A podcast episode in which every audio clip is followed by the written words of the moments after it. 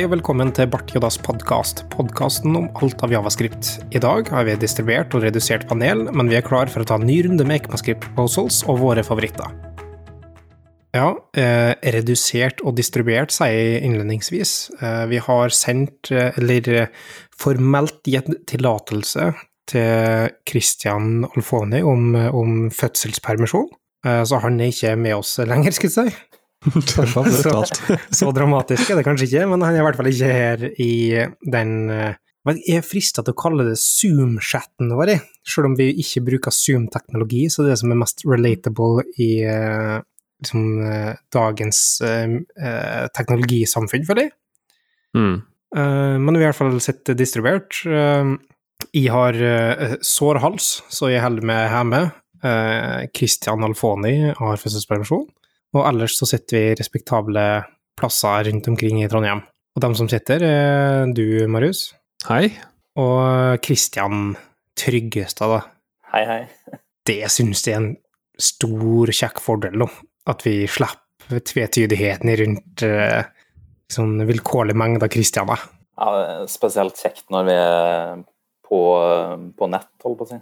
Ja, det er sant, det. Eh, Det er litt sånn eh, Vi har snakka om det her nesten akkurat for et år siden. Da tok vi eh, og snakka om våre favoritter, eller vern om våre favoritter, rundt framtidige innslag i standarden som ligger bak språket i Avaskript. Altså det som kalles ECMAScript 2, hva er det? 292? Nei, hva heter det? 262 heter det. Det formelle definisjonen på språket og språkstandarden som ligger bak Javascript. Um, og andre språk, for så vidt, kanskje ikke så mange nå lenger, men før så fantes det hyppig brukt mer som, som ActionScript, som var en implementasjon av ECMA 262-standarden. Um, men det er en teknisk komité, TC39, som står bak eh, Som ja, består av mange forskjellige selskap og mange enkeltpersoner, eh, og går da eh, jevnlig over forskjellige proposals basert på strawman eh, proposal-prosess. Og så eh, etablerer da standarden jevnt over hele året, som igjen ender opp med en implementasjon i forskjellige nettlesere, og så gjør at vi kan bruke dem i eh, enten på serveren via Node eller andre tilsvarende teknologier, embedded system osv. Alt som bruker Javascript, er basert på ECMA 262-standarden. Og det er en grei oppsummering av hva det er, eller skal vi gå inn på hva proposal-prosessen er, folkens? Kan jo ta en kjapp uh, oppsummering, da, sjøl om det kanskje ble gjort for et år siden òg. Det ble nok gjort, og så lurer jeg på om vi har snakka om noe proposals i en tidligere droplet eller en tidligere episode, men jeg husker ikke, vi sliter som vi husker hva vi snakka om tidligere. Gi meg en oppsummering på 30 sekunder. Eh, det kan jeg gjøre. Du har fire forskjellige eh, nivå, der eh, du er nullindeksert, så i realiteten så har du fem. men men eh, du har fire forskjellige nivå. Det starter med en strawman, som er på en måte Eller er straw person, heter det nå for så vidt, unnskyld. Um, som, som er bare et forslag. Hvem som helst kan komme inn med forslaget. Og så etter hvert som du kommer over til proposal, som er stage one, så har du en, en champion, og du har en par forskjellige kriterier for å nå opp til det. Uh, når du har funnet en champion, og du har en spec, eh, og du har et høylevels eh, API, du har fått en viss aksept for eh, implementasjon, og at det er et behov for det, og folk er enig i det i forskjellige nivåer, og at eh, det er noe som passer inn i en standard osv., så, så kan du komme opp til draft-nivå og det er på eh, stage 2. Um, og da blir det utarbeida osv. der, eh, og så kan du få da eh, mer spekkarbeid, mer formell, eh, formalisering, designing, eh, reviews og alt sånne ting, som kommer over til stage 3. Og i stage 3 så er det en intensjon om at det skal bli en del av standarden. Før stage 3, 3 ja, vanskelig å si 3 i lag med stage, eh, så det, kan det være litt mer flyktig eh, overordna ting kan endre seg, implementasjoner kan endre seg på et, på et nivå, mens når det er på stage 3, så eh, endrer det seg ikke i, eh, på høyt nivå på, en, på noe stor grad, eh, og det er en intensjon om at det skal bli inn. Så hvis du ser liksom stage eh, null, da er det da, da er hvem som helst kan komme med forslag. Stage 1, da er det et litt mer formalisme, og da har noen i TC39 som prøver å få det gjennom. Stage 2, Da er det litt mer stabilt, men det er fortsatt litt flyktig. Stage 3 er ganske stabilt, og det er intensjonen at det skal bli en del av det. Men så kommer det da til siste proposal, som er stage 4, eller ferdig, som er da Det her skal merges inn i um, alle implementasjoner, så klart um, med en gang det klarte det. Og det skjer kontinuerlig, da, hvert år, sånn som det er nå. Før så var det periodisk, det var en gang i året eller hva det er for noe, eller en gang hver sjuende år i enkelte tilfeller. Der, sånn, når vi snakker om ES4, ES5, det var forskjellige versjoner der de tok inn eh, stage 4 proposals. Nå så skjer det kontinuerlig hele, gjennom hele året. Derfor det kommer så hyppige ting, da. Men det som er viktig med stage 4, er at for å komme dit må, så må to store vendors f.eks. bruke det. Uh, eksempelvis implementasjoner i V8-motoren og WebKit. Da er det nok for å, for å imøtekomme det kravet. Du må ha spesifikke formelle, formelle testscenario i det som kalles Test 262-standarden for å kunne være med. Så det er et par forskjellige kriterier, men i bunn og grunn så er det til lavere tall til mer usikkert er det. Vi snakka tidligere om, om, decorators. Det er et sånn perfekt eksempel på uh, at lave tall kan bety store endringer. Det har holdt seg i mange, mange år, i fem-seks år nå. Decorators har holdt seg på i rundt 1-2, og det har vært store API-endringer. Eh, det var den senest nå i, i, i, september, eller juni kanskje. Så var store endringer i, i eh, måten det funker på, semantisk og syntaktisk sett. Um, og dette er også knytta opp mot i Babel. Hvis du tar uh, presets før, så kunne du si som stage 0, stage 1, stage 2, stage 3, så er det de implementerte polyfills som ligger i de standard proposalene. Men det, det, betyr jo egentlig også at uh, et proposal kan implementeres i en, en, eller flere nettlesere lenge før det har kommet inn i standarden. Ikke bare betyr det at det kan gjøre det, men det betyr at det som regel gjør det. Uh, så du kan ofte bruke stage 3-ting i uh, Chrome, f.eks.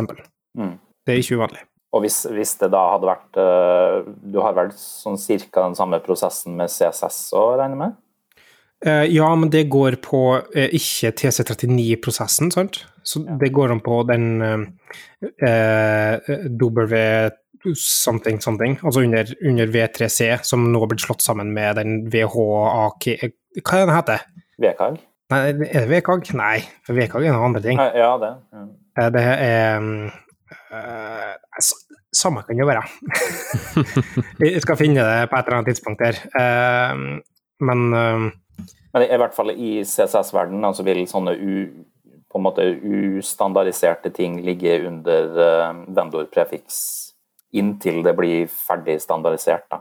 Ja, ikke sant. Um, nå går vi litt utafor, men nå så har vi vel også Houdini som gjelder du kan i større grad. Ja. Og, uh, men uh, det heter What VG Working Group, altså What Working Group. Um, uh, og det var sammenslått Worldwide Curriculum, som var tidligere, Worldwide ja, V3C ble slått sammen med, med, med What Working Group, så de har vært CSS. Men, men, det er sikkert sånn straw person-prosess uh, de kjører der, og det er jeg ikke helt sikker på. Men Jeg har et par spørsmål før vi går inn i det her, da. Ja. bare for å, å, prate enda litt mer om prosessen. for du sier jo det at hvem som helst kan komme med et proposal i stage 0. Ja.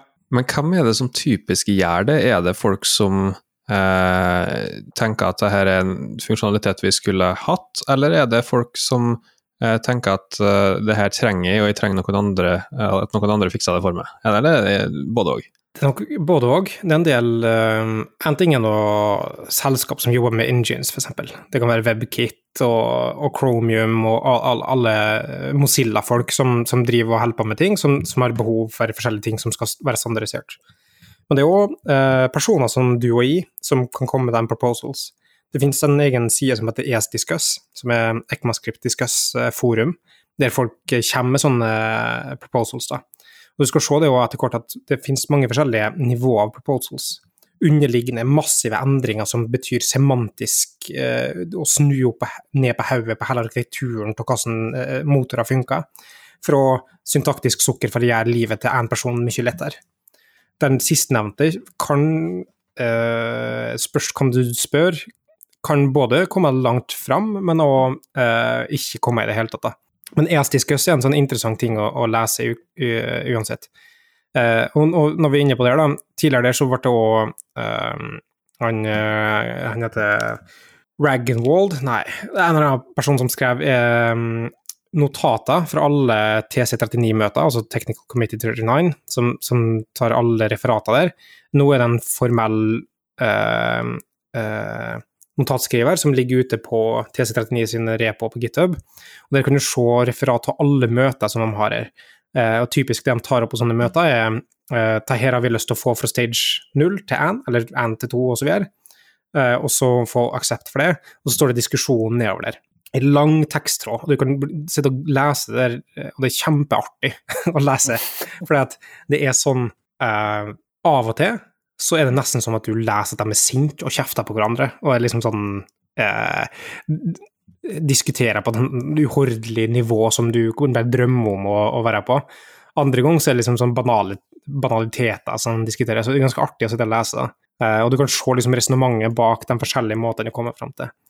Eh, det siste referatet finnes fra september, 23. september eller noe i 2020. Uh, men det har vært møte siden da, senest nå i november. Uh, men jeg så at den siste entryen i, um, i uh, september var forslag om å gjøre det enklere å føre referat.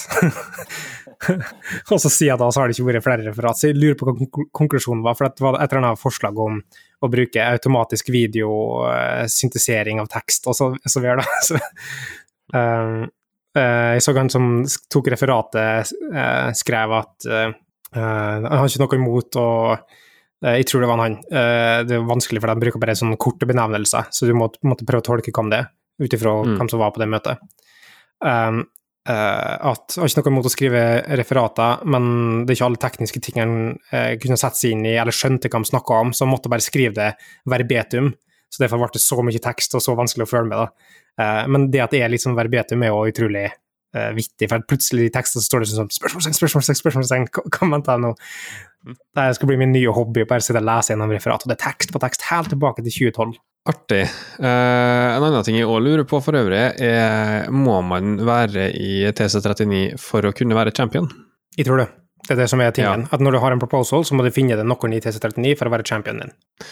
Ja, og mitt oppfølgingsspørsmål da er jo at jeg har satt og scrolla litt nå eh, i proposals, eh, mer spesifikt i stage 1, og jeg klarer å finne to proposals der ikke en champion og er author, som for meg da egentlig betyr at de som blir tatt videre, ofte da er laga av folk som allerede sitter i TC39.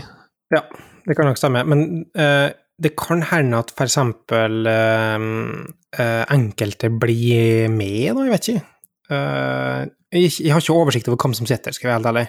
Så, så jeg tror at du må være i T39 for å være en champion, men jeg vet ikke garantert.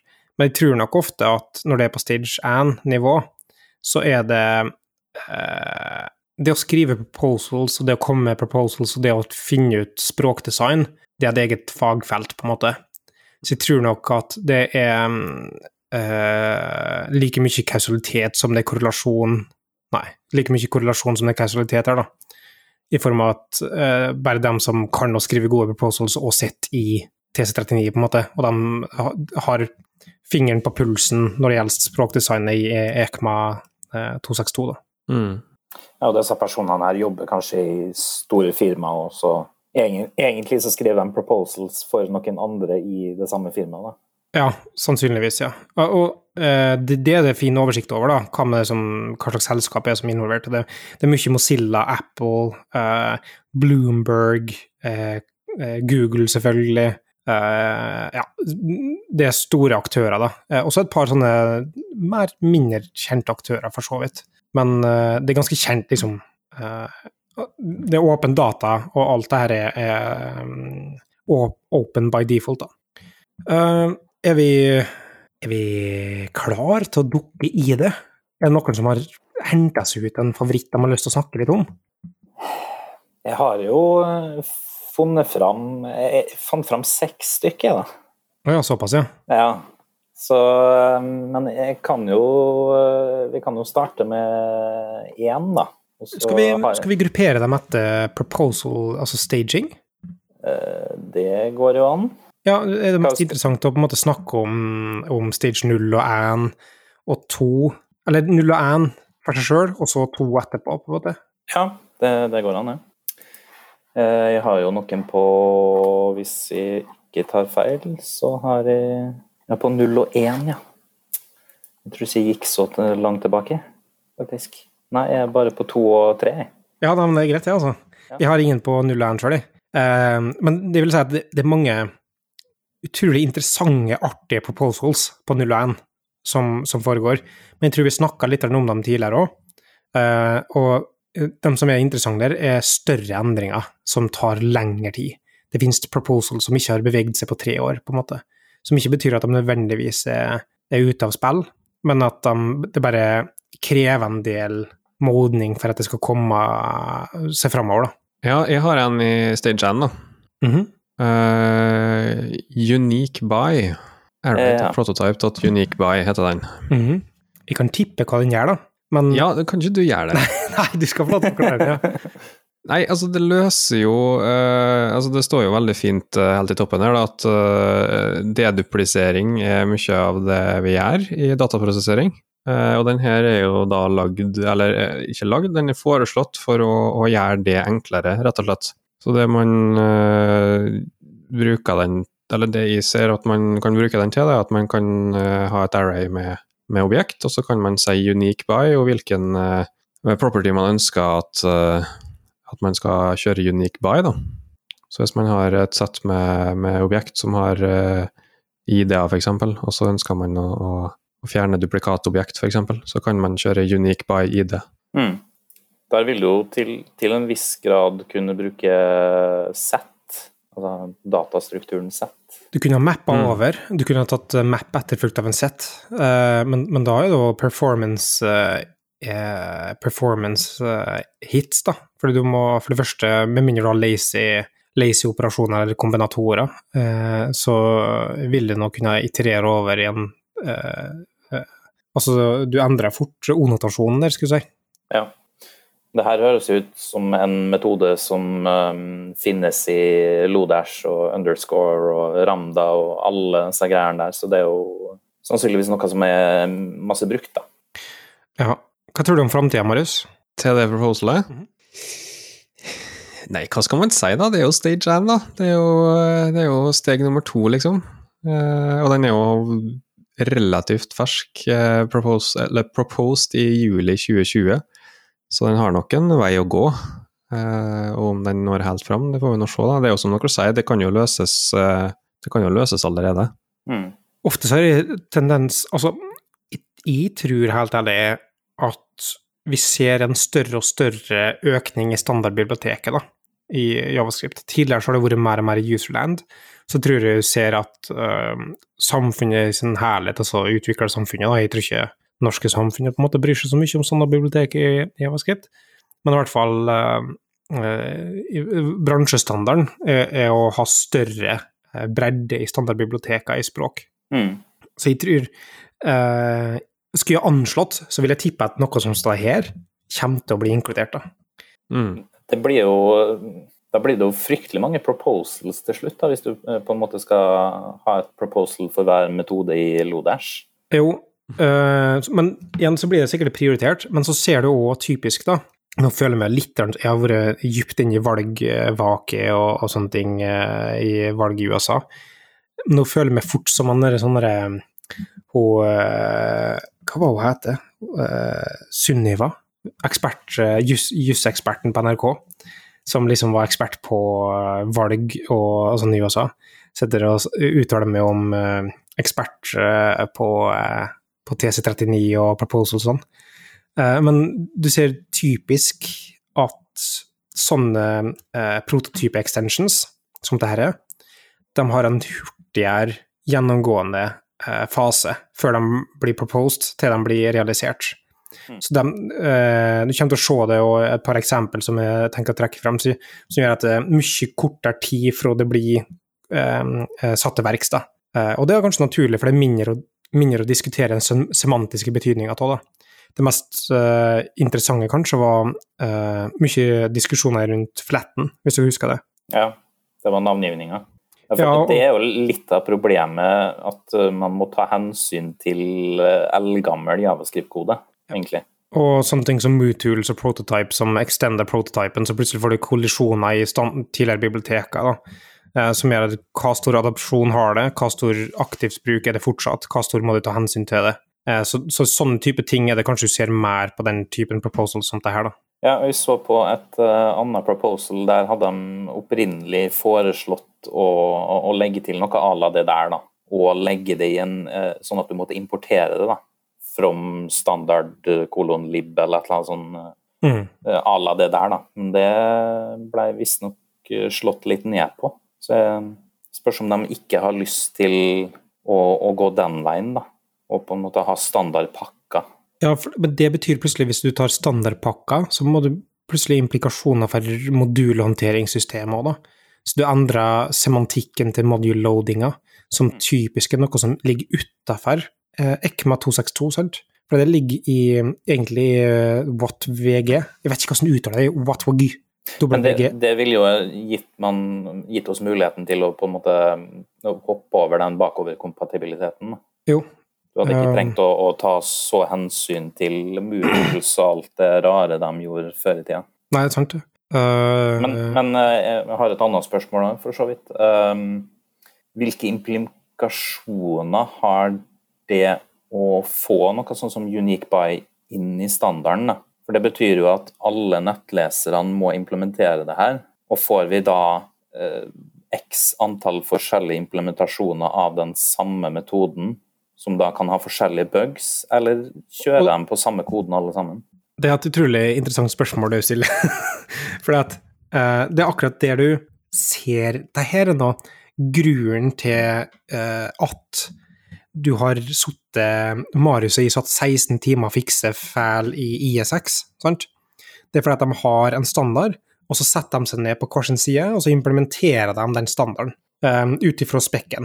Og til bedre spekken er, til mer nøyaktig kan du gjøre implementasjonen.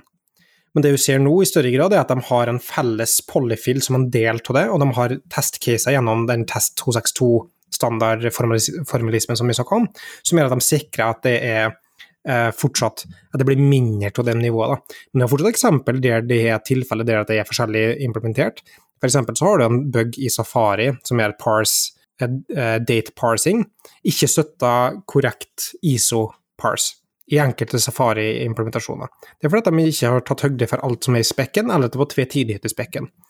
Men jeg fortsatt tenker at mye av de greiene her deler de noe kode, for de deler polyfills, de, de kommer med polyfills som en del av arbeidet inn i proposal-systemet, og så tar de og jobber ut ifra det. da.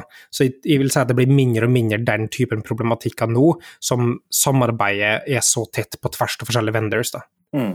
Um, jeg har en annen uh, forslag, eller en annen proposal som er interessant. Jeg, jeg har sortert mine litt etter kompleksitet, uh, på et vis. Uh, og så starta jeg med en enkel, men som er fortsatt litt interessant å diskutere. Uh, og det er error cause. Hvilken stage er den i? Den er stage 2, Ja. Mm. og den ble vel lagt om til stage 2 uh, for fem dager siden, tror jeg. Uh, den er ganske ny. Uh, den, og den her har blitt uh, spearheada i stor grad. Det er noe som har kommet med på proposalet, og så har den blitt tatt opp og sagt ah, ok, det er universell enighet om at dette er en nyttig ting. I praksis eh, så er det inner exception for dem som kjenner til det fra C-sharp, og Java sikkert. Eh, det er bare poenget at du wrapper en error med en annen error, som er at du kan få den underliggende årsaken til hvilken error, sånn at du kan lage spesialiserte feilmeldinger for din case. Det hovedeksempelet er hvis du har eh, API, og så skjer det en feil i API-håndteringa di, eller i servicen din, eller whatever, og så uh, vil du gi din egen application error ut, men fortsatt peke til hva som er den underliggende årsaken, og det er en cause. Så uh, jeg tror proposalet oppsto for uh, tre måneder siden, men nå i stage to med ganske stor fart på at det kommer til å komme opp ut. da. Den store, store um, caveaten her, om du vil si det, er at sånn som Mozilla har faktisk sine uh, De har flere argumenter. For syntaksen på det er at andre argument i en error skal være forrige error. Uh, uh, Mozilla har en annen konstruktør som er ikke standard compliant. Så den har andre, andre argument som linjenummer eller filnavn eller et eller annet sånt der. Så den kan kollidere med det, men de har sagt at siden de ikke er standard compliant, så velger de å ikke ta hensyn til det, faktisk. Ja, nå, nå snakker du om error. Error, ja. Klassen, eller hva vi skal Ja, konstruktøren. konstruktøren. Ja. Mm. ja, nei, det er jo litt interessant at de velger å gi blaffen i den implementasjonen. De har sikkert hold i det. Eh, det var så langt de kom i ES-diskus... Nei, eh, i, i eh, referatet. Mm. Jeg skumma så vidt over den der og, og, så at det var nevnt noe om at de kanskje ikke kunne bruke error i det hele tatt, men at de måtte lage en ny, ny konstruktør. da. Eller mm. altså, at den skulle hete noe annet. Så det kan jo være en, et mulig utfall av det. da. Ja, men nå når den har gått til stage 2, så tror jeg faktisk men Jeg er ikke helt sikker, men jeg tror at de har måte, blitt enige om at error er veien å gå, da. Den konstruktøren. For når du er på stage 2, så tror jeg ikke det skal være så store overflateendringer, egentlig. Men ja. Det er, jo bare, liten... er bare noen bokstaver i forskjell. Ja. Error, exception Sant. Uh, har du, du hadde seks stykk å ta av? Uh, ja. Sånn. Uh, jeg kan jo kanskje ta den um, jeg syns er kanskje mest interessant, da. Den er vel en stage to fra, hvis jeg ser rett her, fra september 2020. Så den er rimelig ny. Og den heter, det proposalet heter da Temporal. Ah, Christian. Ja. Jeg din nei, jeg har spart den til slutt. Oh. det var sånn Vi skulle bygge opp det der. Ja. Nei, men det er bra, det. Eh, nei, men det, den, den, altså. den syns jeg er, det er kanskje den som har mest påvirkning på, på bundle size, da i hvert fall. Hvis vi skal sånn tenke i de baner. For det her er da i praksis um, et uh, daytime-bibliotek. Uh, så vidt jeg har skjønt det, så kan det på en måte erstatte Moment. Til en viss grad, i hvert fall. Um, Enda bedre enn det, da, faktisk. Uh, altså, ja, det, det, kommer sikkert ikke til å være så mange hjelpefunksjoner som det er i Moment, men uh, en del som jeg syns var interessant, er at det er immutabelt. Så det blir ja. mer som data fence, mm. um, der tida du blir bestandig behandla, uh, du muterer ikke det eksisterende objektet. Og det høres ut som en sånn smal sak, men det er ganske viktig for god håndtering av man mener jeg. da. Mm. Ja, og så bare det å, å, kunne få på en måte eh, grunnpilarene i eh, håndtering av dates og times inn i standardbiblioteket vil jo gjøre at man kan få ned bundle-sizen på alle sånne datobibliotek. da. Ikke bare det, men jeg er ganske sikker på at den mest søkte tingen på, på Javascript er hvordan du håndterer forskjellige formateringer til dato, og, og parser ISO og håndterer ISO og eh, timezone og, og, så videre og så videre. Og, så videre. Eh, og implementasjonen av date, sånn som den har vært nå, den er nå ofte en kilde for kritikk. Mm. Og, og, forståelig så, for den har modellert etter Java sin implementasjon på tida, og så har den egentlig ikke endra seg noe særlig på den eh, i stor grad, da. Eh, et par sånne små ting, men, men det er utrolig banalt og eh, grunnleggende. Eh, så temporal namespace her nå vil kunne få mye flere ting. Det er top parsing, eh, interoperabilitet mellom kalendere, eh, tidssonehåndtering. Eh, det vil ha eh, forskjellige måter å hente ut eh, f.eks. Duration på, altså timespan da, fra C-sharp. Um, så det er mange forskjellige uh, hjelpeting som kommer i det namespacet, som vil gjøre uh, både redusere størrelse på ting, som du sier, men enda viktigere, mener jeg, da, er å gjøre uh, det mer tilgjengelig for folk. Dette er en ting som jeg mener gir stor mening å ha som en del av standardbiblioteket. Ja.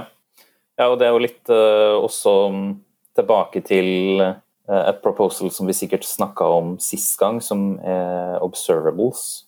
Um, bare det å på en måte Der var poenget ikke å implementere hele RxJS men bare få um, konsept om observables inn i spekken, sånn at um, metoder som add event listener og sånn kan begynne å fungere mot det. Og det her vil jo være et, et lignende tilfelle, da, der på en måte du kan få inn disse grunntingene i et datehåndteringsbibliotek, og så hvis det skulle vise seg at det ikke treffer alle use casene vi har, så går det an å lage en extension da, på en måte til det her. Mm. Men vi har sett tilsvarende tidligere sant? med uh, Intel namespacet, altså internationalizations-greia, uh, uh, som håndterer humanization of currency og, og, og, og egentlig datoformatering og sånne ting òg, da. Mm. Så, så det er noe i tråd med den utviklinga. Og jeg tror mange folk er enige, da, for jeg ser over nå at de har én, to, tre, fire, fem, seks, sju, åtte, ni champions. Som må nå være rekord av antall champions som vi har sett uh, på proposals, i hvert fall. Mm. Men det, det, kan jo være en ganske Altså, det har jo gått fort fram nå, da, men det kan jo være en stor greie å skulle få API-et her rett, da? Jo, ja, enig. API-et, men samtidig, det her betyr ikke Det er ikke semantiske, fundamentale endringer i språket. Nei, det er det ikke. Så igjen, jeg tror vi ser at ofte de som går kjapt framover, er de som er bare API-endringer. For at de vil ikke nødvendigvis kollidere så mye med eh, motoren på sånn mm. måte. Mm. Jeg ser det står under principles at leap seconds are not represented. Mm. Hvilken betydning vil det ha over tid, da? Hva er leap seconds, da, Marius? Det er ett sekunds justering som skjer litt nå og da, for å justere for jordas rotasjon. Mm -hmm. Men vil ikke det da over tid skape litt trøbbel? Men de vil jo bruke operativsystemet sin dato og tid i bunn, regner med. Og så lenge operativsystemet håndterer det, så ja. Valid point, det, altså. Jeg tror at det betyr 'not represented', så lurer jeg på om det betyr at de underlagende dataene at de ikke outputta det på et vis. Mm. Jeg er ikke sikker. Uh, og så syns jeg òg leap seconds er komplekst, for at jeg trodde helt ærlig at vi kompenserte for leap seconds med å ha skuddårsdager. Det trodde jeg jo. så jeg vet ikke. Men uh, når det er sagt, altså er dato så komplekst. Og det er igjen det er en grunn til at du ikke ønsker at det her skal være håndtert, i hvert fall ikke gjør det sjøl, og egentlig heller ikke uh, med et uh, som lite bibliotek. Det må være et veletablert, uh, highly maintained bibliotek av godt erfarne folk som har drevet med, drevet med dato i lang periode, og helst egentlig gi det liksom, grunnfundamentet fungerende fra en, en etablert Eh, standardbibliotek sånn som det er, da. Eh, for at dato er så komplekst, og vi kan snakke i evighet om det. Vi elsker å trekke fram at det finnes kvarter tidssoner, f.eks., eller New Delhi, tror jeg, som er delt i to, der ene delen av byen er én tidssone, andre delen er en annen tidssone. Alle sånne ting må datohåndtering eh, håndtere. Og bare forestille hvordan det blir nå når vi skal kutte ut sommertid. Og vi begynner å huske på at å, nei, eh, før 2021 i Norge så var det sommertid, men etter i Norge så var det ikke sommertid. Mens i et annet land så valgte de ikke avskaffe sommertid. Det er så sinnssykt komplekst, de klarer nesten ikke å, å håndtere tanken engang. Ja, jeg husker faktisk eh, Det minner meg om en artikkel jeg leste for en del år tilbake, der det var snakk om et land som valgte å avskaffe sommertid tre dager før det skulle skje. ja, ikke sant? Og da, da, begynner vi å snakke at folk begynner å få det litt travelt. Jeg tror, jeg tror, det var mange banker som sleit litt i et øyeblikk der. Ja. Det er en grunn til at Proposal har ni Champions 3. Ja. Eh, så det her blir eh, Jeg er helt enig med deg, Christian. Det her er kanskje det mest interessante eh, sånn som det er nå.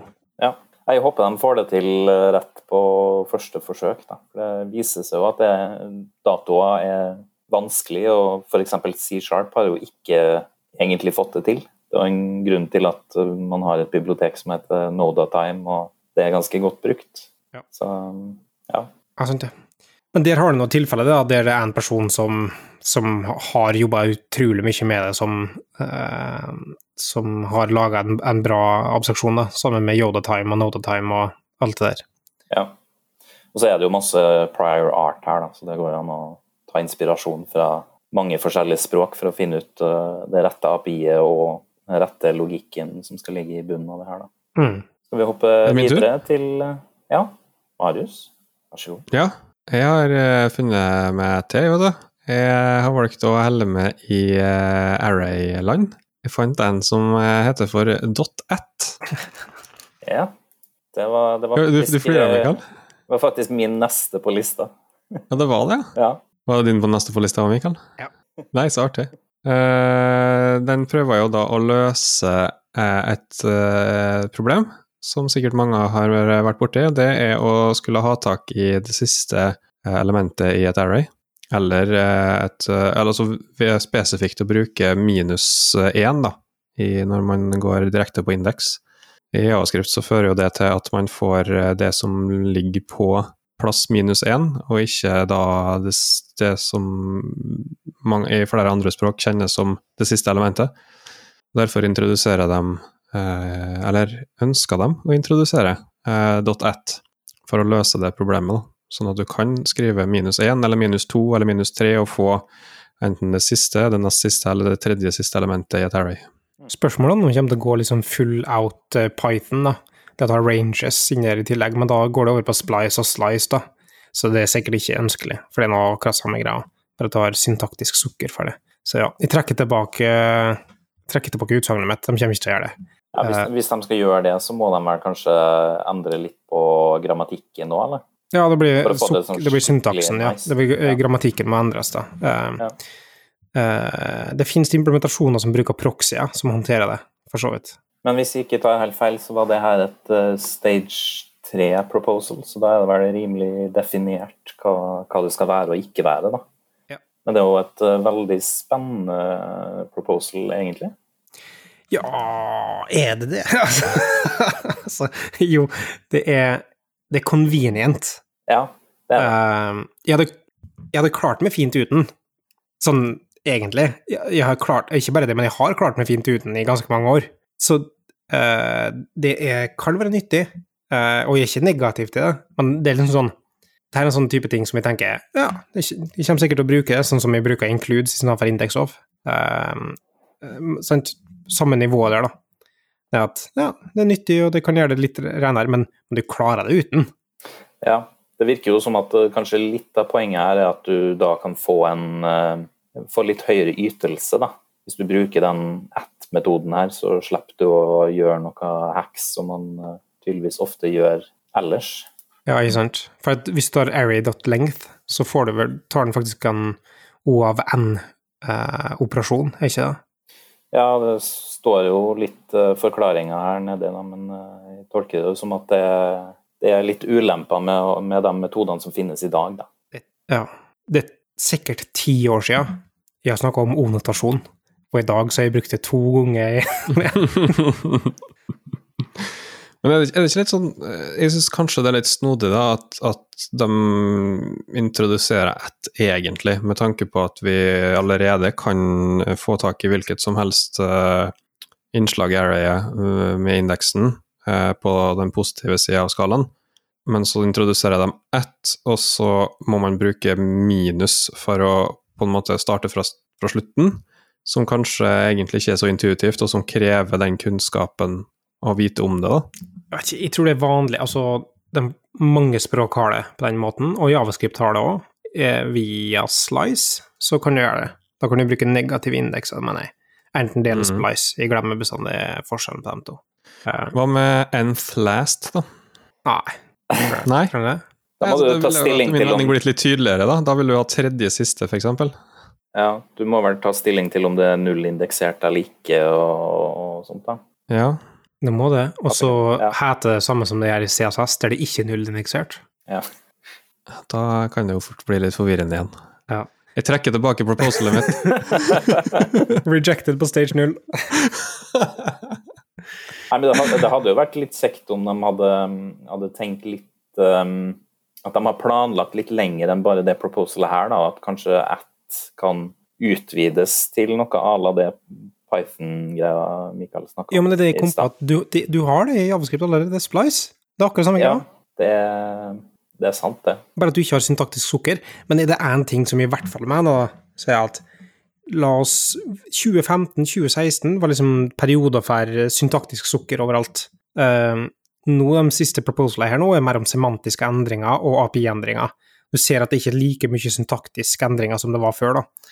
Og jeg tror det, Den store greia er private fields, og der er det mer nok syntaktiske ting, men jeg tror på en måte mange har liksom fått nok av alle de syntaktiske tegnene som skal implisere en eller annen slags underliggende mening. da.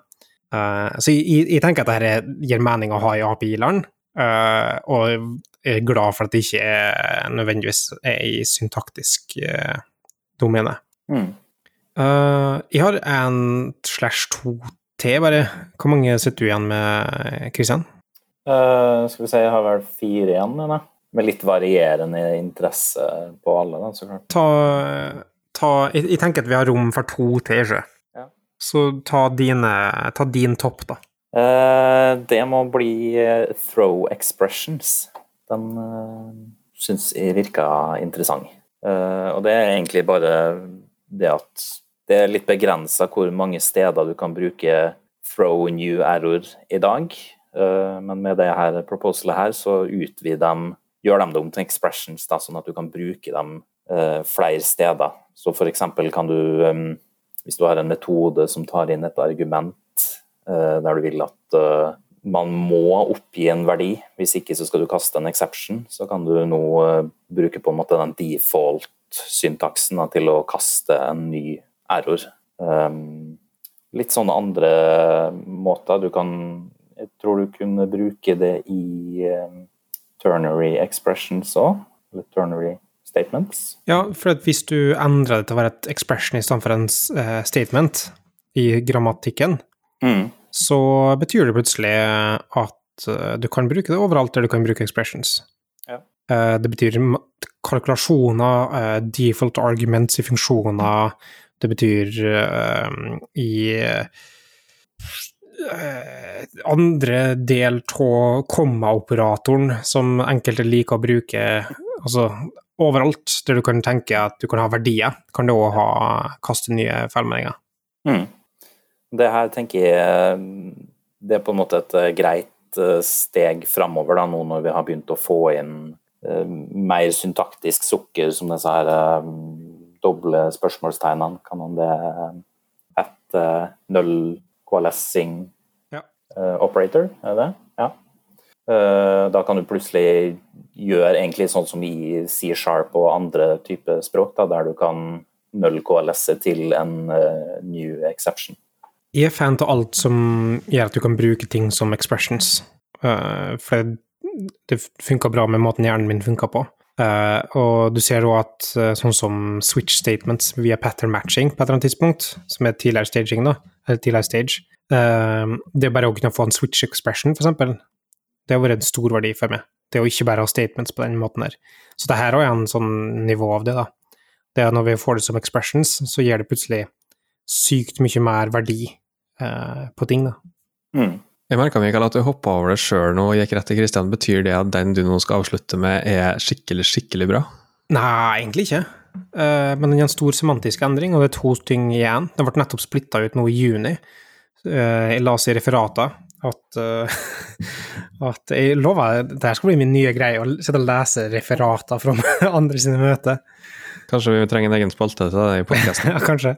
Eller så kan du melde Du kan jo melde som referent òg, da. Ja, det kan jeg gjøre. Slapp du å lese? Ja, jeg har mer enn nok tida i livet mitt til å sitte og gjøre det. Uh, men det er interessante diskusjoner som foregår der, da. Men, men uh, det her er to proposals som er splitta fra en. Eh, den ene Den ble splitta for at den ene skulle kunne gå, beveges uavhengig av den andre. For den, den var tidligere mer spesifikk. Så den ble splitta opp i juni, og så ble nå den, den hovedproposalen ble elevata til stage tre nå i november, tror jeg faktisk. Og det er noe som heter så mye som import assertions. Har du noen lest om det? Fått med seg? Nei. Jeg tror jeg skumma kjapt over og skjønte ikke poenget, men um, Så nå i syntaksen, når du importerer noe, så importerer du bare en eller annen filnavn. Men du tilknytter ingen semantikk i hva slags type fil det er. Um, så det ligger egentlig på loader-nivå, men du kan hjelpe loaders med å spesifisere type. Eh, du har det egentlig allerede i HTML-en, der du kan si at uh, script, source, type, og så sier du module eller, eller Javascript eller WASM, kan du også si. Uh, tilsvarende kan du òg gjøre fra Javascript. da. Så spesifikt eksempelet, det har vært skilt ut fra, er å laste JSON-filer direkte. Så setter du at du skal kunne utvide språket til å asserte hva slags type import du har. Så sier jeg at import denne modulen, uh, assert type Jason, f.eks. Og sier at det jeg skal inkludere her nå, er en Jason-type. Og så spesifiserer språket hvordan det skal håndteres. Den store diskusjonen f.eks. med Jason, som du òg ser hvis du kan knytte opp mot endringer som har skjedd i, i userland etter hvert, da, så var det en breaking change i Jason-loaderen som eh, Webpack brukte nå nettopp. Der at de eksporterte properties, individuelle properties, som named exports når du importerer en Jason-fil via ESM 2015-syntaksen. Ga, hva det samme mening? Si det, si det en gang til. jeg, jeg, tror ikke jeg sier alt uh, på en gang til, for jeg husker ikke hva jeg sa. Men um, hvis de importerer en Jason-fil, så var det før uh, i Babel uh, og Webpack med Jason-loaderen, så kunne jeg si for eksempel prop spesifikk property fra den Jason-fila, den var named export. Så hvis de uh, i en Jason-fil har propertyen A, som har verdien 42, så kunne jeg ha import named statement A fra den Jason-fila. Mm. Det var òg en del av forslaget i utgangspunktet, men det har de gått tilbake på, f.eks. Så de sier at nei, hvis du skal kunne laste Jason, så må du laste hele fila. For det, det er ikke så automatisk at du kan håndtere Jason på den måten. Eh, og så det en, en tekstlig beskrivelse på hvorfor, hvorfor, det ikke er så så enkelt. da. Mm. Men de er splitta, dem to, Jason modules og uh, assert imports.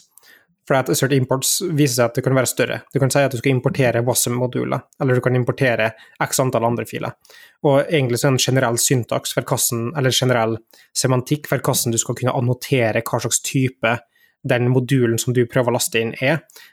Både via dynamisk import, men også statisk imports. Så to alternative syntakser. Eller egentlig flere API-håndteringer, for du må tenke på med, med um, workers og via Da bare samhandle med uh, WhatVG uh, for hvordan det skal funke med module-loadinga i browserland, f.eks. Um, så, så en stor semantisk endring som gjør at du kan på et eller annet tidspunkt da sannsynligvis skrive siden det er stage 3, da, du kan skrive f.eks. Uh, import JSON uh, from JSON-file, assert type JSON. Det er den mest konkrete. Uh, og så kan du da um, reeksportere ting som verdier, så du tar en modul, importerer det som JSON, reeksporterer det som TypeScript. Eller uh, Javascript, unnskyld. Uh, det er òg en syntaks, uh, eller en uh, oppfølgings proposal på transforms, så vi kan si at denne skal transformeres som en del av importsteget. WebAssembly kan være støtte, osv. Ja. Mm. Vil det her kunne på en måte utvides til f.eks. Um, å laste JPEG-filer sånn i forhold til det vi vanligvis gjør i Webpack og sånn? Jeg tror det. At du kan f.eks. laste SVG og JPEGs og sånne ting, og i hvert fall ha en spekk på hvordan du skal håndtere det. Ja, det, særlig SVG burde jo være fullt mulig å, å laste. Ja, eller bare templates. Sant? HTML-templets. Ja. Mm. Uh, jeg har ikke kjempeinngående kjennskap til hvordan det faktisk uh, funker, og hva som er tanken i, uh, framover, da. men jeg tenker at det er en interessant ting å følge med på. Mm. Levde til forventningene, Marius? Ja, det syns jeg.